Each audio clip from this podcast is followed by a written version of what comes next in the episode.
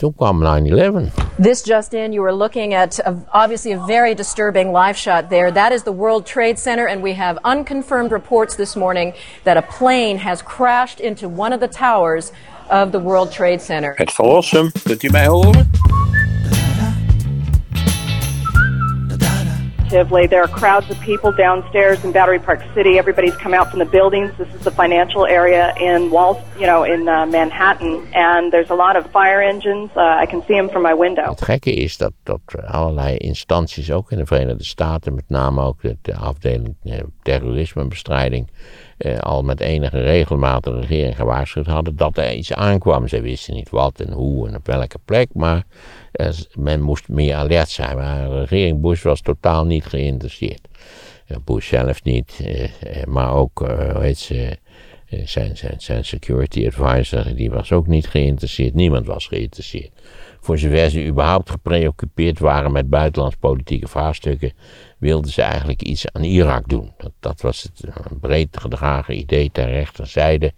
Dat natuurlijk, we hadden de Eerste Golfoorlog gehad, prima afgehandeld door de Bush senior. Maar daar waren toch wel wat haken en ogen geweest. En het is een feit dat, dat Saddam Hussein de Amerikanen werkelijk geniaal getreiterd heeft in de komende jaren daarna. Dus ze hadden allemaal het plan, we gaan iets aan Irak doen. En als dat nou klaar is, dan zal het Midden-Oosten een stuk beter voorstaan. Dus ze hadden helemaal niet gelet op Al-Qaeda. Het het was niet een, naar een idee van de zittende regering geen urgente zaak. In de regering overigens deelde niet zozeer Bush de lakens uit in eerste instantie, maar Dick Cheney, zijn vicepresident, en uh, Cheney's dikke vriend Donald Rumsfeld. Die hadden een lange geschiedenis samen in de Amerikaanse politiek, al in het Witte Huis van Gerald Ford, dus al in de, zeg maar halverwege de jaren zeventig uh, waren dat al dikke maatjes. En die waren eigenlijk de beslissende figuur. Dat was in zijn tweede termijn van Bush was dat wel anders. En ja, je begrijpt hoe dit gegaan is. Dit was natuurlijk een, het, het maakte een verpletterende indruk. Dit was zo'n, toch zo'n gebeurtenis waarvan iedereen weet waar die was toen hij hoorde uh, wat er gebeurde. Ik zat in mijn uh, kantoortje, mijn ergonomisch totaal onverantwoorde kantoortje van de Universiteit Utrecht. En ik werd gebeld ja, ik heb vaak gedacht als ik dit opgeef bij de arbeidsinspectie, dat ik hier zit en moet werken, dat dan wordt het hele gebouw en mijn kamertje wordt ook afgekeurd. Het was een intens triest kamertje waar de ontluchting eigenlijk ook niet op topniveau kon plaatsvinden. Ik wou graag een Apple computer, dat kon niet volgens de faculteit. Nou ja. Um, of althans, daar werd geen medewerking aan verleend. Uh, waar waren we gebleven? 9-11. Het was verpletterend. Daar zat ik. En ik werd opgebeld, ik weet het nog. Gek genoeg door, ik meen Omroep Noord-Holland, merkwaardig genoeg. Ja, daar heb ik nooit begrepen hoe dat in elkaar zat. En die mevrouw van Omroep Noord-Holland, die zei, er is een vliegtuigje, dat hè, je, een vliegtuigje, tegen een van de torens van het World Trade Center in New York gevlogen. Ik zei, nou mevrouw, dat is helemaal niet zo'n verschrikkelijke zaak, want dat vliegtuigje zal in stukken uit elkaar geknald zijn en naar beneden zijn gedonderd. Ja, ik dacht een, gewoon een klein vliegtuigje. Want er is ooit een, een bommenwerper notabene tegen het Empire State Building gevlogen. Dat was wel beschadigd, maar ik kan je verzekeren dat die bommenwerper een stuk erger beschadigd was en ook niet verder gevlogen is. Dus ik dacht, dat zal Maar ja, toen werd ik vrij kort daarna weer gebeld dat de andere toren ook getroffen was. En toen dacht ik toch van, nee, deze moet iets eigenaardigs gaande zijn. Dat was weer die mevrouw van Noord-Holland? Nee, nee, dat was weer iemand anders. Dus toen ben ik naar huis gefietst en heb ik het verder op de tv eh, gevolgd wat er gaande was. En ja, het was, in, het was enorm indrukwekkend natuurlijk. En het is in Amerika natuurlijk, was het was een donderlag bij heldere hemel.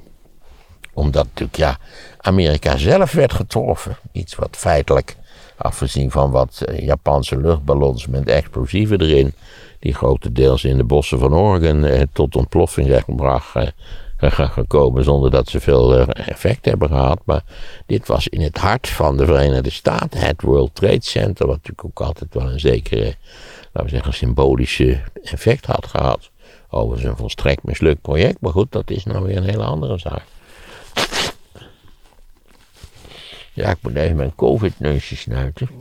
Ik krijg vanmiddag mijn tweede prik. Daarna moet ik toch in principe weer er helemaal tegen kunnen. En ja, ik verheug je begrijpt me ook wel. Ik verheug natuurlijk enorm op het terras. Kan kan Snap ik, ja. kan veilig op een terras gaan zitten. Als je twee keer moet nog even 14 dagen wachten, geloof ik, dan heeft het zich wel, is het, heeft het effect gehad. Ja, dus de, en, en, en ja, zoals dat altijd is, de, de, de, natie ging rond de president staan. En het is wel duidelijk dat Bob Bush eerst nogal verward was en niet precies begreep wat er gaande was. En, en ook niet precies begreep wat hij moest doen, maar toch vrij snel heeft hij zichzelf herpakt. En, en ja, hij is zijn, zijn populariteit is tot stratosferische hoogte gestegen. En het was natuurlijk ook onmiddellijk duidelijk dat Amerika iets terug zou moeten doen. Amerika moest reageren op enige wijze. En dat, was natuurlijk in het geval van zo'n rare organisatie als Al-Qaeda, was dat natuurlijk een hele lastige zaak. Hoe, hoe moest je dat in principe aanpakken? Ja, je, kon wel iets, je kon wel op die kampen schieten, maar ja, daarmee was het, was überhaupt een beetje een, een, ja, een, organisatie die, die, die, niet in, geen indrukwekkende gebouwen had, of, of dat soort van opleidingscentra. Bora. Ja, later Tora Bora, die grotten in dat Tora Bora, die eh, Osama Bin Laden, want dat was de leider van die organisatie, eh, al had aangelegd in jaren daarvoor. Dus wat te doen? En het wonderlijke van de zaak is toen geweest dat eigenlijk, eh, dat, dat zijn hele aardige verslagen van, van de eerste en de tweede dag. De eerste dag dat het gebeurd was en de tweede dag daarna. Dat eigenlijk al vrij snel, eh, eh, zowel bij de president als bij zijn directe medewerkers, het idee opkwam. Eh, dit kan natuurlijk nooit georganiseerd zijn door zo'n rare organisatie als Al-Qaeda. Dat, dat kan niet. Dit is, eh, daar, moet een, daar moet een natie achter steken. Precies, want er waren nog twee andere eh, aanslagen. Hè? Eentje was op Pentagon. Ja, precies. Eén op het Pentagon, zeker, waar, waar, eh, waar, waar een, in ieder geval een forse fik is geweest. Maar het Pentagon was een, een betrekkelijk stevig gebouw. Want dat die torens zijn ingezakt, dat had iets te maken met de constructie van die torens. Er is ook een brede eh, complottheorie op dit punt.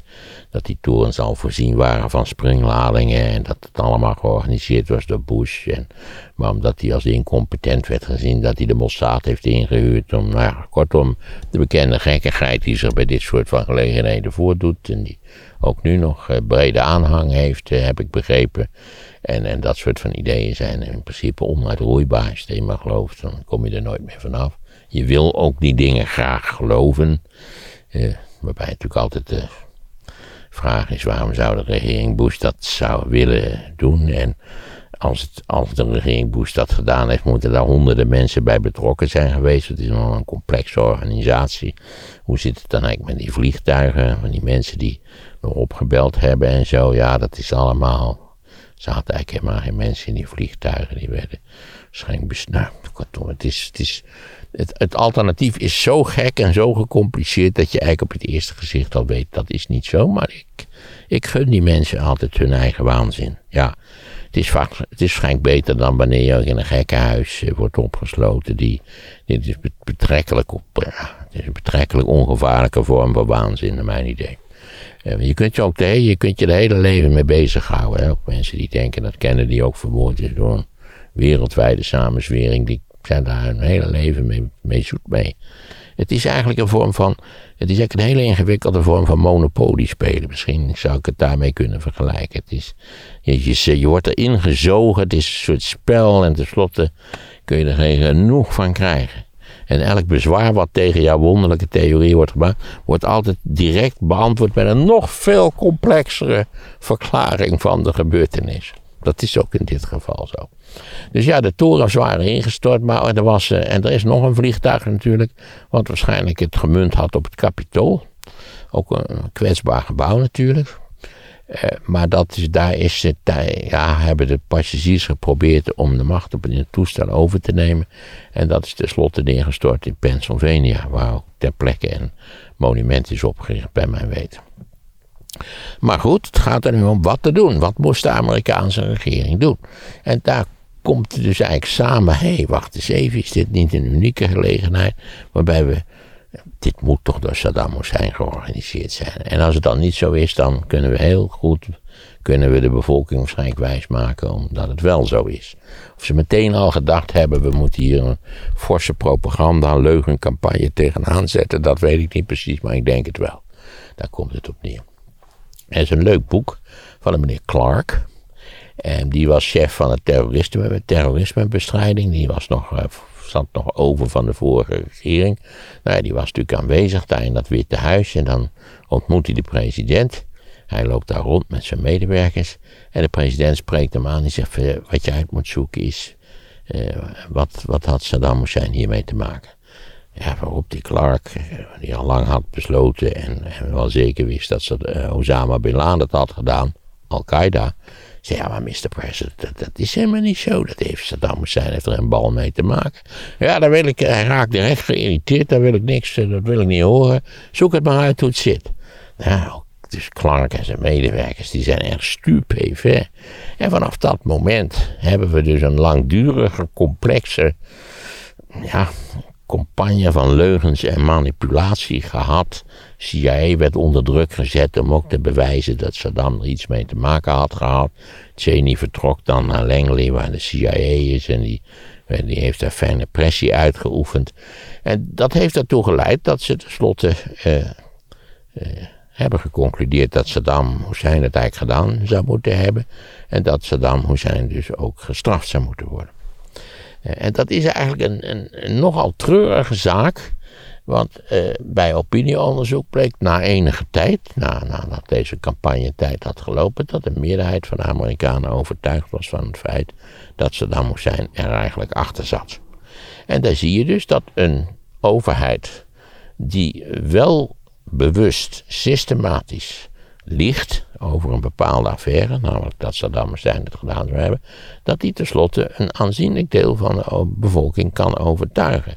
En dat is een, een, een diep droevig stemmende gedachte dat een democratisch gekozen regering in feite een zodanig manipulatief gedrag kan vertonen dat de meerderheid van de bevolking deze onbeschrijfelijke kletskoek geloofde.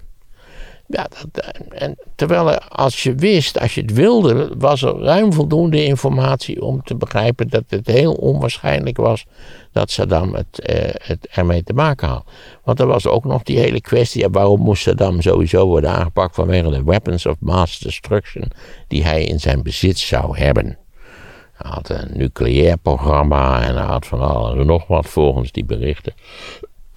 nou, van het nucleair programma, daar was al onderzoek naar gedaan, daar was nooit iets van gebleken.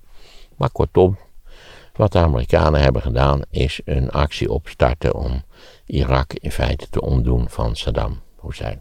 Ze zijn wel eerder zijn ze Afghanistan binnengevallen. Ja, eerst waren ze Afghanistan binnen. Ja, precies. Dat, dat, dat, was ik eigenlijk alleen maar weer vergeten. Want ze zijn nu net bezig om de laatste troepen uit Afghanistan eh, weg te halen dus dat is sinds 2001, dat is dus 20 jaar geleden. En als je even kijkt naar de situatie in Afghanistan, hoe die ervoor staat, wat de invloed van de Taliban is en hoe de verhoudingen in Afghanistan zijn, dan moet je constateren dat die hele oorlog die daar gevoerd is door de Amerikanen en hun bondgenoten geen enkel effect heeft gehad op de verhoudingen in het land. De Taliban zijn nog steeds de bovenliggende partij. Dat is op zichzelf diep droevig dat dat eindeloos geduurd heeft. Dat ook Obama zich om heeft laten lullen om daar nog eens een keer eh, een, nog vrij omvangrijke troepenmacht heen te sturen zonder dat het enig effect heeft gesorteerd. Dat is ook een hele treurige zaak. Het idee was natuurlijk om, om in Afghanistan, want daar waren die kampen van Al-Qaeda, maar goed, die begrijpt daar is een eind aan gemaakt. En natuurlijk het idee was dat ze Osama Bin Laden wilden vangen. Maar ze hebben zo getreuzeld met die. Met die uh, want op zichzelf werd dat regime in, in Afghanistan relatief snel opgerold. Maar in eerste instantie wilden de Amerikanen, als er gebombardeerd zou worden. en Amerikaanse vliegtuigen zouden neergehaald worden. dan wilden ze ook een systeem op de grond hebben en sowieso in functie hebben waarmee die piloten gered zouden kunnen worden. En ik heb begrepen dat dat nogal een tijdrovende en ingewikkelde zaak was. Het gevolg is dat Osama ontsnapt is. Die woonde wel in Kabul en dat iedereen wist waar die woonde. En ik vond, als het waar is, vond ik wat er beschreven werd van de ontsnapping, eh, vond ik eerlijk gezegd vrij geestig. Want eh, Osama heeft daarbij. Osama gebruikte altijd Toyota Land Cruisers. Die een stuk of 6, 7 of zo. Van die zwarte Land Cruisers. Want je weet, als de Land Rover is die vastgelopen is in een modder. komt er een Land, Toyota Land Cruiser en die trekt hem er weer uit. Dat is het idee. Altijd heel populair geweest bij dit type van personen. Maar hij dacht natuurlijk, ja, ik ga niet in zo'n, in zo'n karavaan van landcruisers door het land rijden. Want dat, eh, als die Amerikanen dat zien, dan eh, ben, ik, ben ik wel de klos. Dus wat heeft hij gedaan? Hij heeft dus zijn, zijn zelf niet grote organisatie en zijn gezinsleden. Daar is hij is gewoon met de bus naar Pakistan vertrokken. Precies, waar hij uiteindelijk gepakt is, hè?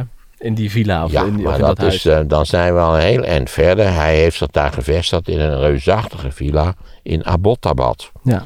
eh, onder de neus van een, een omvangrijke Pakistaanse militaire kazerne. En nou ja, ik ben helemaal niet iemand van de complottheorieën, maar dat of het aan de Pakistaanse militairen niet geweten hebben dat hij er was.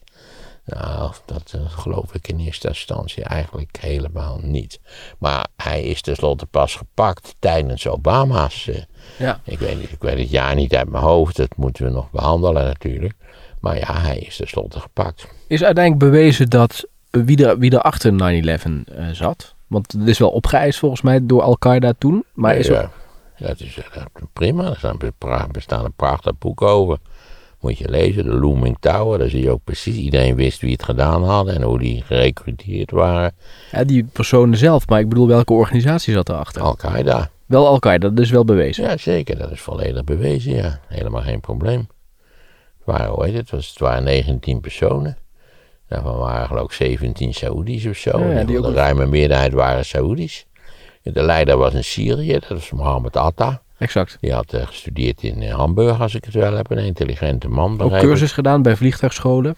Ja, ze hebben allemaal een, een laten we zeggen, eh, zeer simpele vliegopleiding gehad. In Amerika. Ja, ook daar geldt weer het, het aantal gemiste kansen om die lui te pakken. Dat, dat, daar word je echt ziek van. Maar dat is het probleem van. Kijk, eh, als er voortdurend een, een gigantische hoeveelheid informatie is. dan weet je niet precies wat uit die informatie cruciale informatie is. Dat weet je pas als het gebeurd is. En dan zeg je, hoe is het mogelijk dat we het gemist hebben? Nou ja, een aantal van die mensen ging naar zo'n vliegschool. Die zeiden, ja, ze hoefden dan niet te leren hoe ze moesten opstijgen en landen. Dat was helemaal nergens goed voor. Ja, echt waar. En dat, werd, dat is ook gerapporteerd. En eh, zo'n FBI-ploeg, ik ben er vergeten waar precies, die ook steeds naar het hoofdkwartier zei van, ja, daar zijn die... Het is heel gek, maar er zou toch eens naar gekeken moeten worden. Maar ja, het hoofdkwartier vond het allemaal niet zo interessant. Dus er is niet naar gekeken. Ook die twee lui die via, via Californië binnenkomen, daar, dat is dan wel op een of andere manier gerapporteerd. Maar dat stierf dan weer in die informatielijnen in die, in die organisatie. En zodoende, niet waar, hebben ze hun, hun plannen die op zichzelf doodsimpel waren, hebben ze uitgevoerd. De kosten van de hele onderneming waren geloof ik 400.000 dollar. Dat is niet zo verschrikkelijk veel. Het was natuurlijk ook doodsimpel, omdat natuurlijk die, er was in de tijd ook al wel controle. Hè, de bekende dat gekloter op die vliegvelden. Maar ja, die stelde geen bal voor. Dat wist iedereen dat dat zo was. Hè. En, en natuurlijk, ja, je kon zo de cockpit in.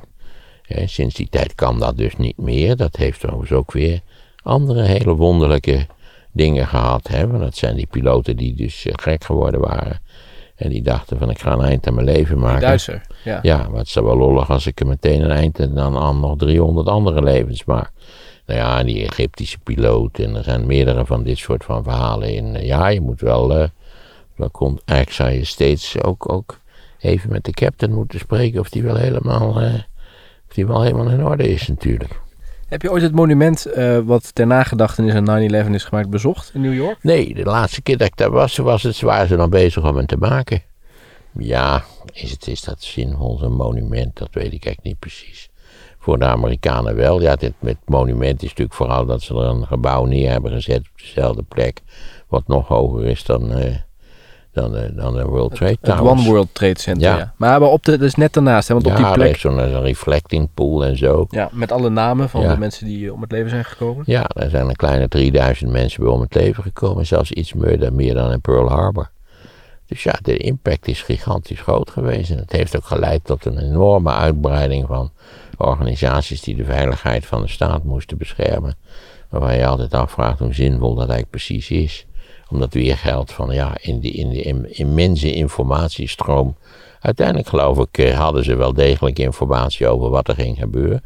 Maar ja, die werd pas duidelijk toen het al gebeurd was. Dus ja, een van de grootste problemen was dat, eh, dat de Amerikanen ja, beschikten over tal van personen die goed Russisch kenden. Vanwege de Koude Oorlog. Maar het aantal mensen wat vloeiend Arabisch eh, kende was heel beperkt. Er waren er maar heel weinig van. Is dat nu anders? Ik neem aan dat dat wel enigszins gerepareerd is, ja. Ja, het is nu wat minder belangrijk geworden om Russisch te kennen. Het is nu vooral interessant als je Chinees kent natuurlijk. Ja. Lijkt mij. Nou wordt dat 9-11 door, door mensen ook wel eens een turning point in de geschiedenis genoemd. Is dat terecht? Ja, nee, dat lijkt me helemaal niet terecht eerlijk gezegd. Als je nou toch, we, nu, we hebben het toevallig over Amerikaanse presidenten, maar het, het, het grote turning point van de afgelopen halve eeuw, dat is, nou ja, laten we daar twee van maken voor de veiligheid. Maar het, de echt grote turning point van de afgelopen halve eeuw is natuurlijk de beslissing van het Chinese politbureau om dat kleine ventje de baas te maken, Deng Xiaoping. En, en het, de, hervormingen in de Chinese economie die beginnen in 1979. En ja, aanvankelijk hadden we het niet zo in snotje, maar in de loop van de jaren 90 ja, begint duidelijk te worden dat zich daar natuurlijk een industrialisatiewonder in eerste klas heeft voltrokken. Want een, eh, straatarme derde wereldnatie is in feite in 40 jaar eh, de grootste economische speler op, op het wereldtoneel geworden. Ja, dat, dat, is, dat is nou echt een, een diep insnijdende verandering in de wereldgeschiedenis. Misschien moeten we het daar ook eens over hebben. Hoe ze dat gedaan hebben. Dat is op hoogst interessant. Want je moet je natuurlijk ook de vragen. Kijk, ongeveer tegelijkertijd heeft Gorbachev geprobeerd om de Sovjet-Unie te hervormen. En dat heeft hij in allerlei opzichten niet zo verschrikkelijk verstandig aangepakt. Dat moet ook achteraf valt dat eh, goed te concluderen. Vergeet niet, historische kennis is altijd kennis achteraf. Historici verklaren altijd hoe dingen gebeuren, omdat ze al lang weten hoe ze gebeurd zijn. Hè? Eh, vaak zitten ze. Historici hebben evenmin kijk op de toekomst dan iemand anders kijk op de toekomst. Je heeft weet wat dat- Evert Zandgoed daar, daar ooit over heeft gezegd, hè? Geen idee. Heeft, Ja, daar hebben we het, uitgebreid over gehad. Het was toen met kerst. Zei, ja, historici hebben dat makkelijk. Want ja, die kunnen altijd achteraf eh, kunnen Ja, daar hebben- heeft Santegoed natuurlijk wel een beetje gelijk in. Ik, ik wist niet dat hij zo'n zo'n heldere analyticus was van het wereldgebeuren. Vanwege die foto's van hem. Maar goed, ik wens hem al het beste eerlijk gezegd. Maar ehm, nee, dat is, de, dat is de belangrijkste gebeurtenis van de afgelopen halve eeuw. Een gebeurtenis die in feite de hele verhouding in de wereld op zijn kop gezet heeft natuurlijk. Ehm, en dan natuurlijk de tweede, eh, toen ik daar aan ging denken, is natuurlijk het verdwijnen van de Sovjet-Unie. Ja, de Sovjet-Unie had een, omvangrijk imperium. Dat is door Gorbachev, naar mijn idee, terecht op goede gronden prijsgegeven. Omdat het militair eigenlijk geen grote betekenis meer had. Maar ook de Sovjet-Unie als wereldspeler is verdwenen. Dat we zeggen, eh, de, de luisteraars zullen denken, ze hebben toch die Poetin. Ja, Poetin is een klein pestkopje en die kan enorm treiteren en kloten. En in, in, laten we zeggen, in, in de strategisch aanpalende delen van Rusland kan hij ook heel vervelend zijn. Dat is allemaal volkomen juist. Maar eh, in feite is natuurlijk, vergeleken met China, is, is Rusland een economische dwerg. Rusland heeft een bruto product van, iets groter is dat dan van Spanje. Dus dat, dat, stelt totaal niks voor. Het is, het weliswaar is het, is, het, is het Rusland relatief zwaar bewapend en heeft het een omvangrijke nucleaire strijdmacht. Maar economisch is het, is het de dwerg. En dat zal ook niet veranderen natuurlijk, omdat het gerund wordt door dieven en moordenaars. Dus ja, daar moet je ook niet gek op kijken. Wat dat betreft moet je zeggen dat het Chinese politbureau natuurlijk een oneindig veel efficiënter regime op de been gebracht heeft. Ik begrijp niet helemaal waar Xi Jinping met al die repressie naartoe wil. Maar goed, eh, feit is dat is de belangrijkste gebeurtenis van de afgelopen halve eeuw. En al die andere dingen zijn incidenten. Ja, zo kun je het zien. Dat wil zeggen, nu moeten we natuurlijk door met eh, wat Bush en zijn regering dus hebben. Die zie hij, was heel, hij is enorm populair geworden. En toen hebben zij besloten om een, een omvangrijke militaire actie tegen Irak te beginnen. En daar hebben ze naar mijn idee alles fout gedaan wat Bush senior goed had gedaan. Bush senior heeft een brede coalitie opgebouwd. Bush senior heeft ervoor gezorgd dat hij gelegitimeerd werd door de Verenigde Naties, door de Veiligheidsraad. Dat kon toen omdat de Russen net op dat moment het ineens goed konden vinden met, eh, met de Amerikanen. En die waren ook tegen wat Saddam Hussein had gedaan, die bezetting van Kuwait. Eh, maar eh, Cheney en Bush en, en vonden die legitimatie niet van belang. Er waren wel wat bondgenoten die mee wilden doen. Eh, maar toch niet op dezelfde grote schaal als in de tijd eh, bij de eerste acties tegen, tegen Irak, tegen de bezetting van, van Kuwait. En tenslotte is het ook niet gelegitimeerd door de Verenigde Naties. En we herinneren ons allemaal nog hoe ongelooflijk impopulair deze onderneming vooral buiten de Verenigde Staten was. Maar ook in de Verenigde Staten was het niet bijster populair. En dus ze hebben dat ondernomen en het idee was natuurlijk, het is een fluitje van een cent. Dat Rumsfeld ook gezegd, aanvankelijk hadden die militairen een vrij omvangrijke strijdmacht gedacht om dat uh, probleem aan te pakken. En Rumsfeld zei, ah, dat is allemaal gelul, met de helft van, het, van, van de strijdmacht kan het ook prima. Bovendien, dat dachten ze ook, het financiert zichzelf. Irak heeft een massa olie, dus dat, dat, pompen we door. En dan kunnen we met de verkoop van die olie kunnen we deze acties betalen. Kortom, uh, het, het, was een win-win situatie. Er kon niks fout gaan. Oh, dat was, nou. En, en ja, ze hebben natuurlijk ook heel snel geklaard. Ja, dat haalt je de koekoek. Er was geen serieuze Irakese luchtmacht, er was geen serieuze luchtverdediging. Dus dan ben je, dat was al tijdens de Eerste Golfoorlog gebleken natuurlijk, dan ben je dus sowieso al de klos. Ja, dat zat ook weer vol met de meest merkwaardige en licht komische eh, incidenten. Dus die propagandaminister van Saddam Hussein. Ja, die was fantastisch. Ja, die werd gevraagd, maar, uh, uh, Irak is toch aangevallen door Amerikanen, die rukken toch op naar Bagdad. Of die zeiden, nou, dat is geen sprake van, totaal niet. We crushed the forces in Saddam International Airport and we cleaned the whole place of the airport. En achter hem vielen de bommen. Nee, nee achter, achter hem zag je Amerikaanse panzerwagen het plein oprijden. Het was kortom, ja, het was vrij sterk. Ik heb begrepen dat ze hem later ook in, in Hollywood een, een rol wilden aanbieden als ze hem zouden ja, krijgen. geheel terecht. Ja, ja, het, is, nou ja, het is een feit dat het wereldgebeuren, de politiek, dat die ook wel iets komisch heeft. Als je natuurlijk die, die opwinding in Nederland over die, uh, de afwezigheid van transparantie. Daar is natuurlijk een enorm leuk tweedelig toneelstukje van te maken, toch? Met die heerlijke verontwaardiging. Ja, je ziet al onze topacteurs die ook zeggen: van, hoe is het mogelijk dat op deze manier kan ik niet behoorlijk op het. Nou, dan gaan we niet terrassen, maar laten rusten ondertussen. Ja, nee, dat zijn vaak hele komische incidenten natuurlijk. Feit is dat uiteindelijk die Amerikaanse interventie helemaal niet komisch is afgelopen, want die is totaal uit de hand gelopen. En daar zijn ook wel goede redenen voor. Saddam Hussein nou eens is gepakt, pas na maand of wat. Die bleek verstopt te zitten in een soort onderaardse ruimte. Toen hij gepakt had, had hij een enorme baard. Het leek net een, een kwaadwillige kerstman, zal ik maar zeggen. Het was ook met kerst volgens mij dat hij gepakt was, in december. Ja, het is eind van het jaar, ja. Maar Amerikanen hebben daar tal van fouten gemaakt. Ze hebben de baatpartij opgedoekt. Dat is de partij van Saddam Hussein. Uh, uh, ze hebben het uh, leger opgedoekt. Ze hebben de officieren wel een kleine tegemoetkoming gegeven, maar toch niet zo verschrikkelijk veel. Met als gevolg dat, dat duizenden mensen, hooggeplaatste deels, in feite brodeloos werden. En dat is een van de redenen dat met name heel veel officieren later ISIS een aantrekkelijke partij vonden. Hè, want uh, ISIS was ook Soenitisch en, en natuurlijk het regime van uh, Saddam Hussein was Soenitisch, terwijl de Shiiten eigenlijk de meerderheid hebben in Irak, maar die werden systematisch onderdrukt door de Soenieten. Dus toen de Shiiten aan, het, aan de macht waren gekomen door de Amerikaanse interventie, dachten ze nou gaan we die Soenieten lekker pakken. Hè.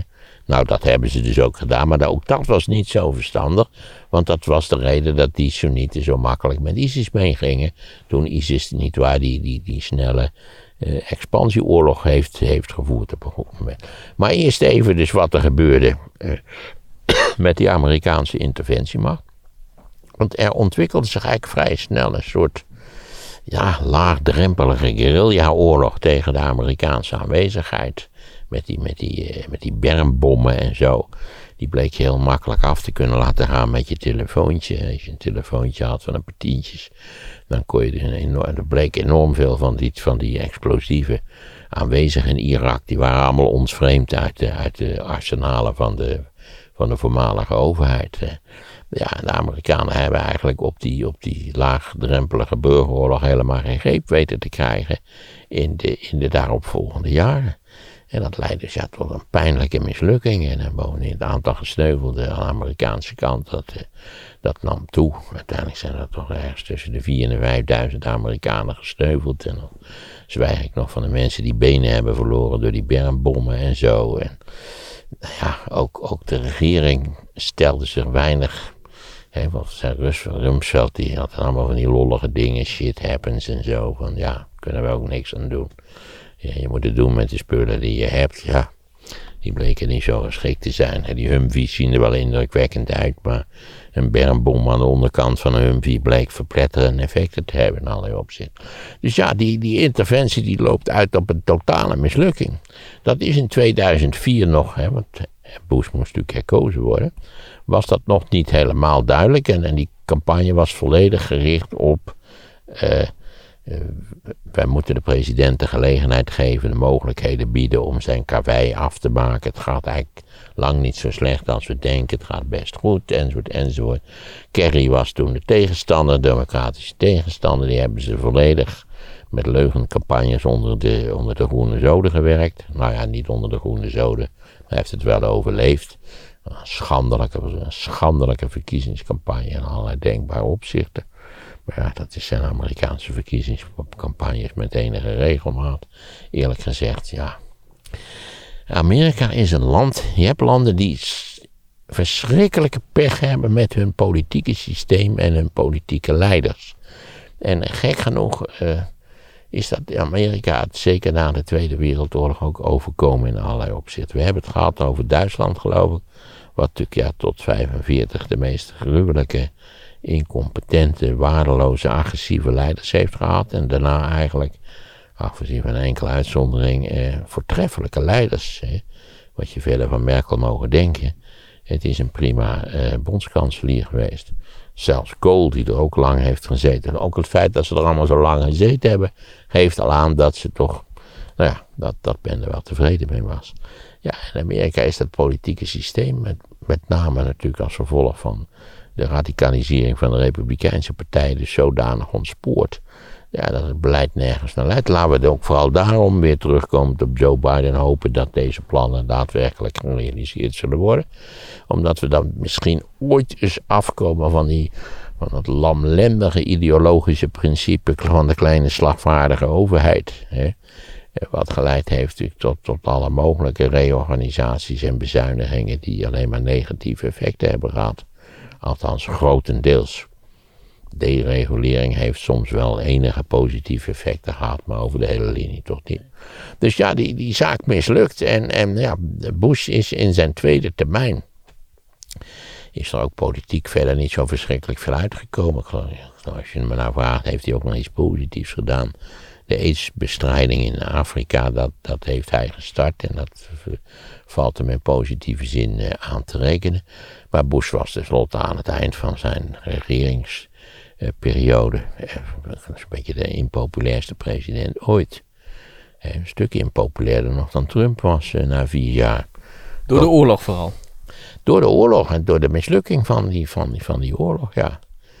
Dat, ze hadden dat natuurlijk ook nooit moeten doen. Ze hadden daar wat beter over na moeten denken. Maar dat zeg ik zittend achter in een autootje op de Rembrandtkade in Utrecht. En ik ben toen, zoals je weet, niet gebeld. En tal van deskundigen vonden het allemaal een geweldig idee om, die, om Irak aan te pakken. Terwijl het dat natuurlijk helemaal niet was. En ik moet zeggen, natuurlijk, hij had in eerste instantie had hij een voortreffelijke minister van Buitenlandse Zaken. Dat was Powell. En Powell uh, was steeds aarzelend, heeft ook steeds gesproken tegen die ondernemingen. Maar ja, hij is tenslotte uit loyaliteit is die meegegaan. En ik denk dat dat een enorme fout is geweest. Hij had moeten proberen om te zeggen: nee, Mr. President, dit is een onzalig avontuur en u moet hier niet aan beginnen. Mm. Maar ja, Cheney en Rumsfeld en Konuiten, die zagen dat allemaal heel anders. Die waren toen heel invloedrijk. Eh, in tweede termijn is Rumsfeld er ook uitgelazerd, volkomen terecht naar mijn idee. Maar ja, Cheney was vicepresident, maar die heeft veel, enorm veel macht verloren in de tweede termijn van Bush junior. Bush junior heeft een enorm geluk gehad dat de eerstvolgende republikeinse president zo'n onbeschrijfelijk incompetente figuur was, namelijk Donald Trump, dat hij eigenlijk, op hem schijnt het zonnetje een beetje, hoewel hij er in feite bar en boos slecht afgebracht heeft. Heeft hij de wereld nou wel veiliger gemaakt? Nee, Nee, nee, nee, nee. De wereld is natuurlijk niet veiliger geworden. Absoluut niet. Wat beter niet terrorisme, is altijd op elke denkbare plaats mogelijk. Dat, dat kan altijd, ja. Wij kunnen samen nu besluiten dat we vinden dat, eh, ja, dat, dat transparantie in Nederland zo belazerd geregeld is. En dat die Rutte nou tot door kan, terwijl het een evidente wereldwijde oplichter is, eh, dat, dat we gaan een aanslag plegen. Op een terras dan wel. Ja, met, met, dit, met dit Audi'tje.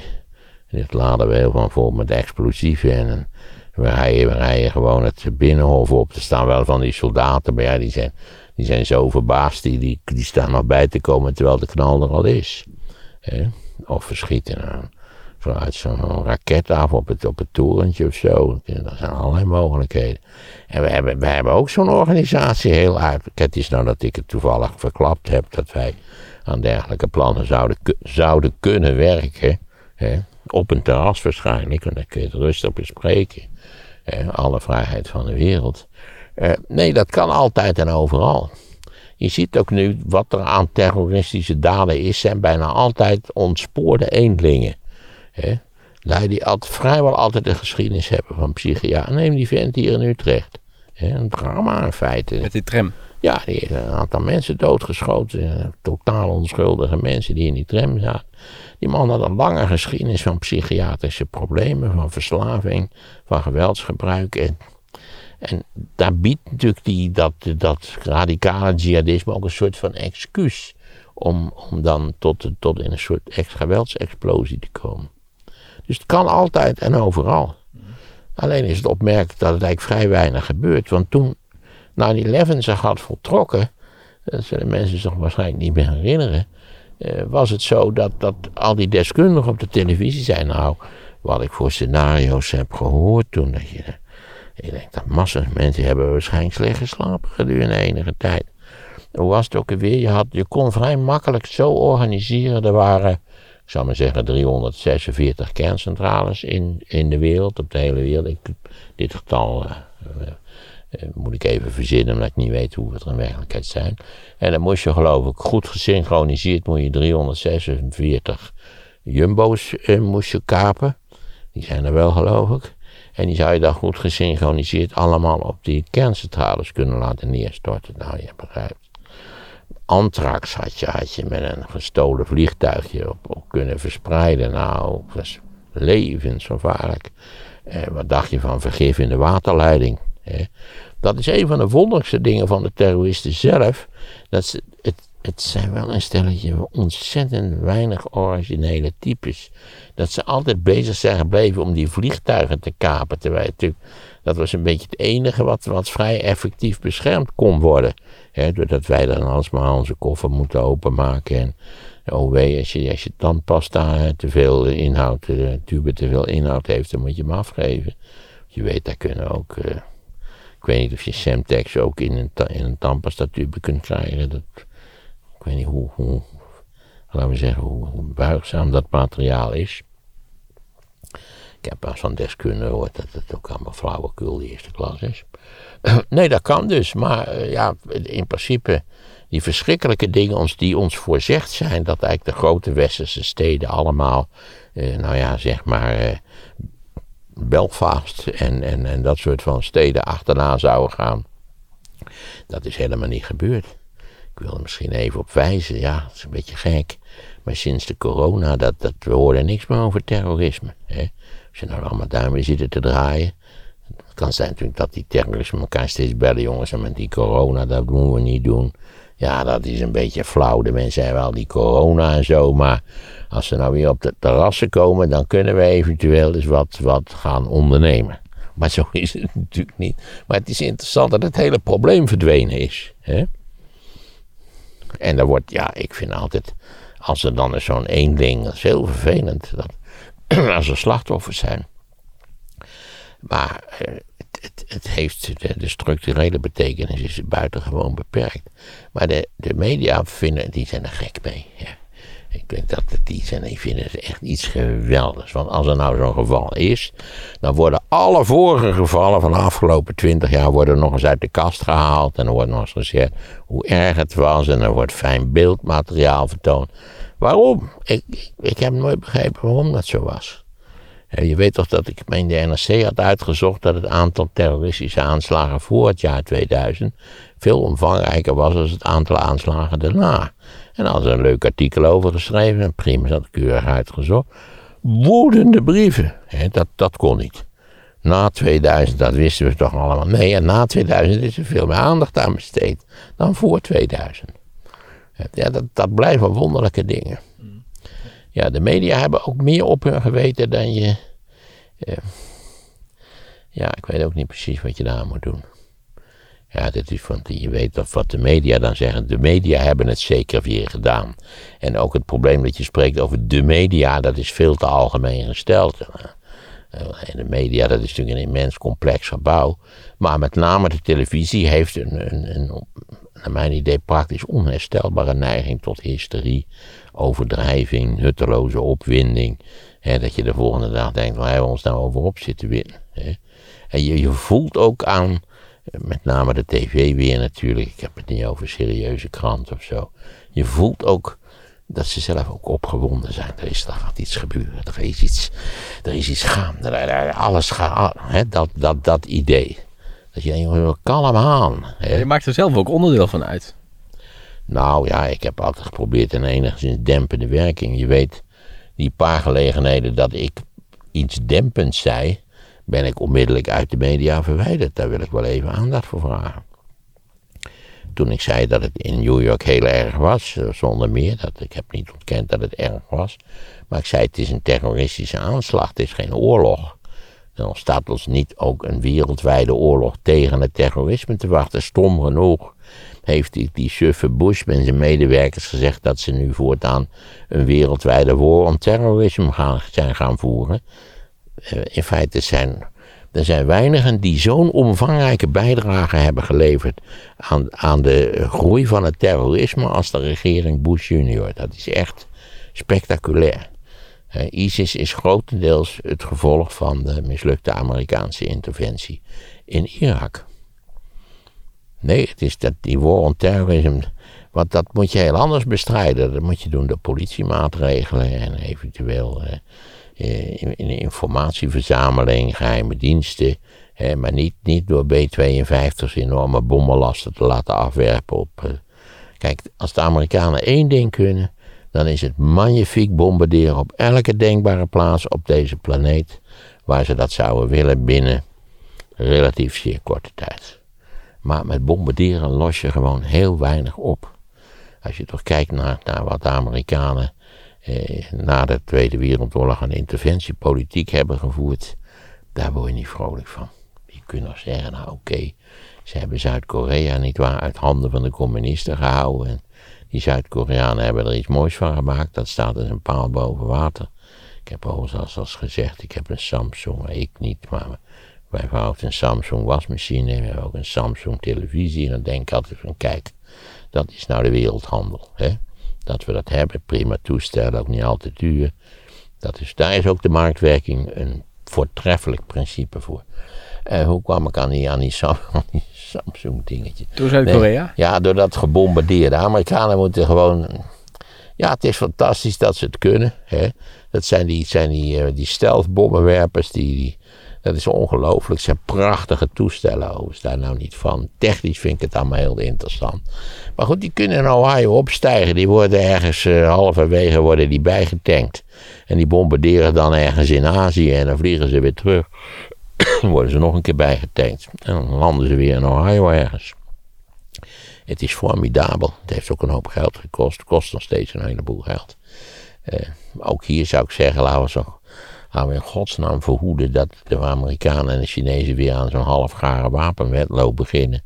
Als die ook het gevolg is geweest van de Koude Oorlog. Ik bedoel, als we nou, misschien kunnen we ook nog eens een prijs uitreiken voor de, voor de grootste verspilling in de recente geschiedenis. Dat is toch wel de wapenwetloop tijdens de Koude Oorlog. God allemachtig. Wat daar aan duizenden en duizenden en duizenden miljarden verspild is. Niets heeft, het heeft niets, geen enkel nuttig effect ooit gehad.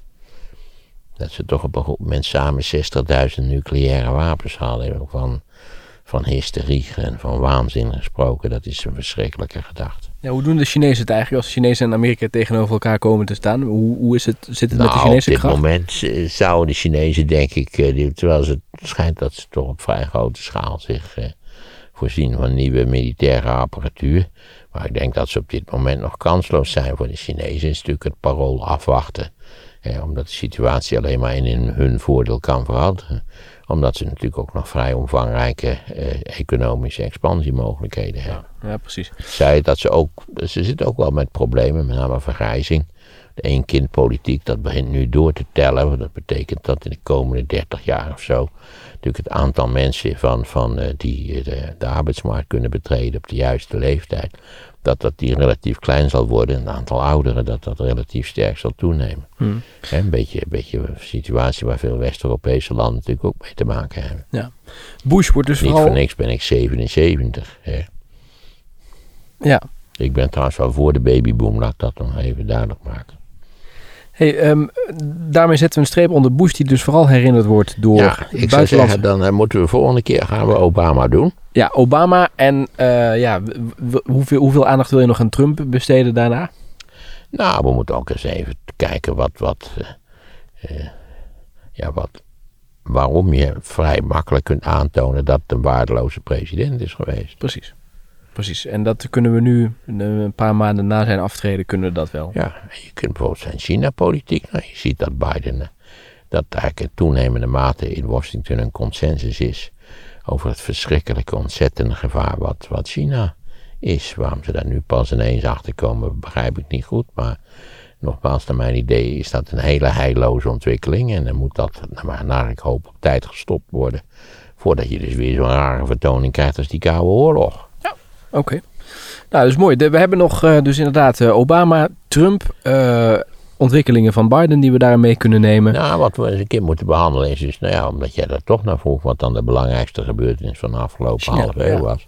Hoe komt het dat de Chinezen geslaagd zijn en de Russen, dat het in Rusland Ja. mislukt is? Dat is een mooi onderwerp. En we hebben nog op het lijstje staan de bondskanseliers van Duitsland. Ja, En de, eh, in, in, in de schaduw daarvan de leiders van dit land, van Nederland. Dat heb je. Dus we hebben nog wat. eh, wat heel interessant is, omdat we nu aan een totaal nieuwe fase van de Nederlandse politiek gaan beginnen. Complete, complete en totale transparantie. Dat zal zoiets geweldigs zijn. we gaan Zo, ik verheug me er zo enorm op.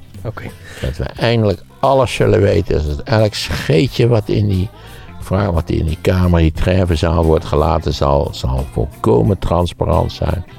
En zal er dan over bericht worden in de media. Super. Maar eerst inenting. Nummer twee. Ja, nummer twee vanmiddag, kwart over vijf. Ik ben heel benieuwd of Oké. nou wat drukker is dan vorige keer. ja, ja, Er is niets te doen vorige keer.